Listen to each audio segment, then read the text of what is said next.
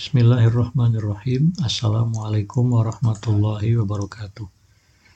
Bismillah, walhamdulillah, wassalatu wassalamu ala rasulillah wa alihi wa man wala. La haula wa la quwata illa billah wa. Sahabat muda sekalian, bagaimana kabarnya hari ini?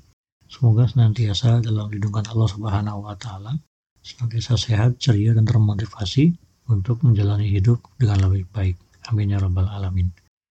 Sahabat muda sekalian, rahimakumullah. Pada podcast kali ini, izinkan saya untuk melanjutkan obrolan kita tentang keutamaan ilmu dibandingkan harta seperti yang dijelaskan oleh Imam Ali bin Abi Thalib karamallahu wajah.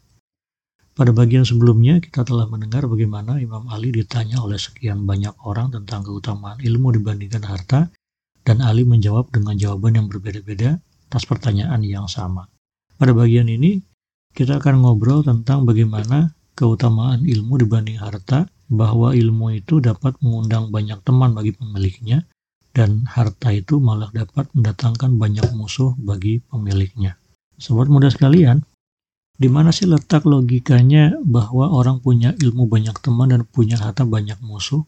Begini gambarannya. Orang yang berilmu, pasti ilmu itu berguna pertama kali bagi dirinya sendiri, bagi pemiliknya, baru orang lain. Orang-orang yang punya ilmu itu cenderung dikagumi dan dihormati oleh orang lain, lalu kemudian orang-orang itu berusaha mendekat untuk belajar hal yang sama, lalu menikmati berkah dari ilmu yang dimiliki oleh orang tersebut.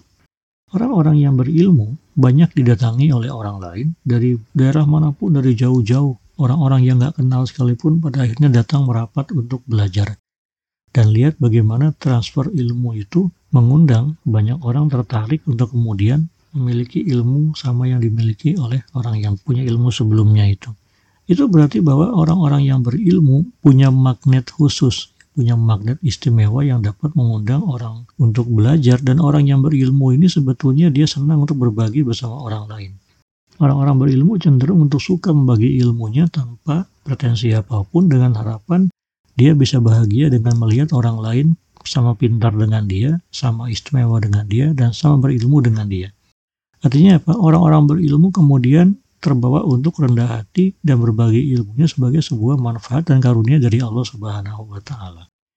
Sahabat muda sekalian, orang berilmu yang rendah hati itu mestinya semakin banyak teman dan teman ini tidak pandang golongan, tidak pilih-pilih, semua boleh datang kepada dia, semua orang boleh mendekat kepada dia untuk belajar menimba ilmu, minta transfer pengetahuan supaya kemudian orang-orang itu merasakan manfaat berkah dari ilmu dia. Kalau ada orang-orang berilmu jual mahal, ditakutkan jangan-jangan orang itu sudah terjebak pada sikap takabur.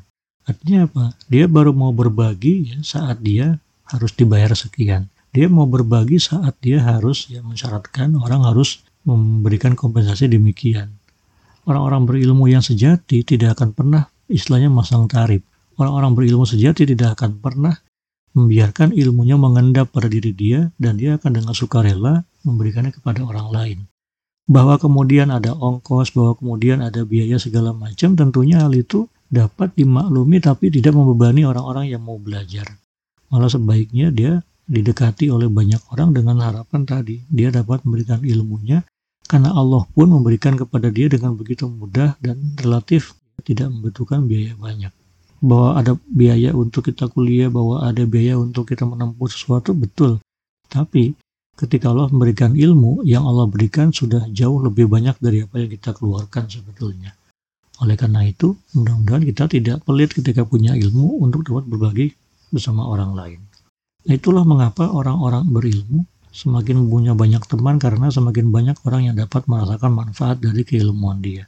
Dan orang berilmu mestinya senang dan bahagia ketika dia dapat berbagi atau membagikan ilmunya kepada orang lain. Sebaliknya, sahabat muda sekalian, orang-orang yang banyak harta itu kalau didatangi orang lain, dia mesti bawaannya curigaan. Dia sensi duluan. Ini orang mau ngapain? Mau minjem duit, mau minta duit, atau mau ngajak bisnis, dan sebagainya.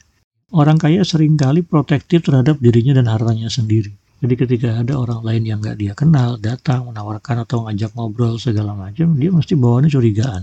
Jangan-jangan nih orang minta duit, jangan-jangan nih orang ngarap-ngarap, jangan-jangan orang ini ada maunya segala macam. Bisa dibayangkan Ketika ada orang datang dan ketebak tujuannya seperti itu dan dia orang kaya mungkin menyikapi secara negatif, apa yang terjadi? Dia malah punya banyak musuh. Orang-orang malah menjauhi dia. Karena orang kaya dalam beberapa hal lebih suka ya orang-orang yang mendekat bersamanya itu adalah orang-orang yang sama-sama kaya. Gaulnya sama orang-orang kaya. Kenapa? Kalau kita gaul sama orang kaya dalam persepsi mereka, harta kita nggak berkurang. Kita malah bisa saling memperkaya tuh sama lain dan tidak minta-minta. Sementara kalau ada orang datang nggak dikenal, apalagi mungkin level hartanya di bawah dia, maka pasti dia tidak suka ketika banyak orang seperti ini mendekat, apalagi karena hanya ada maunya. Mendekat, ya bawa proposal, tahu-tahu. Mendekat, minta bantuan. Mendekat, pengen ini. Mendekat, ada maunya segala macam. Nah, orang kaya cenderung nggak suka begitu. Saya teringat ada pepatah Arab eh, begini bilangnya. Inzada mali fakulun nasi khulani wa in mali fakulun nasi a'dai. Ketika saya banyak harta, maka banyak orang merapat mendekat kepada saya dan ngaku-ngaku teman.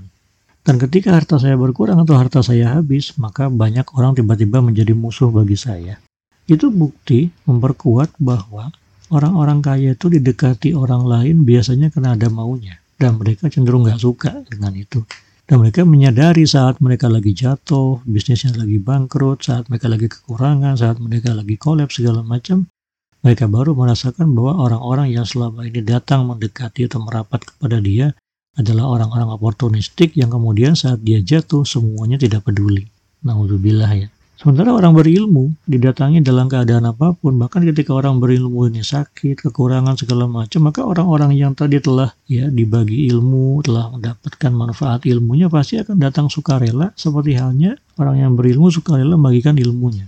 Bisa dibayangkan indah hidupnya ya. Orang yang berilmu membagi ilmunya, dia kesulitan, dia sakit, maka orang-orang yang dapat ilmunya kemudian datang mendekat, ingin berbalas budi, ingin membalas jasa, atas ilmu yang dibagi kepada orang-orang tersebut. Sementara orang-orang yang punya harta, orang-orang yang mungkin mendekat kepada orang kaya karena ada maunya, saat orang kaya itu jatuh, bangkrut, dan sebagainya, apakah mereka itu peduli? Walau alam, kebanyakan malah tidak.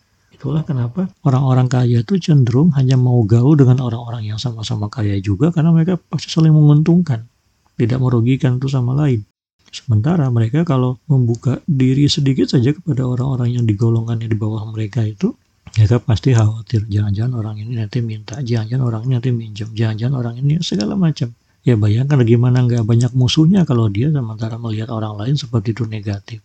Oleh karena itu, kita bisa melihat sampai di sini bagaimana orang-orang yang berilmu itu lebih utama, lebih istimewa dibandingkan orang-orang yang punya harta. Karena faktor tadi, terbuka hidupnya banyak teman bagi orang berilmu, banyak orang mau mendekat ingin mereguk ya berkah dari ilmunya, sementara orang-orang yang kaya tidak terbuka bergaulnya dan cenderung menjaga diri untuk tidak didekati oleh orang-orang yang hanya akan dapat mengurangi jumlah hartanya ataupun merugikan dia dalam beberapa hal yang sifatnya materialistik. Alhamdulillah ya, sahabat muda sekalian. Mudah-mudahan podcast singkat ini dapat memberikan kita gambaran tentang hikmah bagaimana ilmu itu dapat mendorong kita punya banyak teman, punya banyak relasi, apalagi kalau kita lebih suka untuk berbagi ilmu secara sukarela.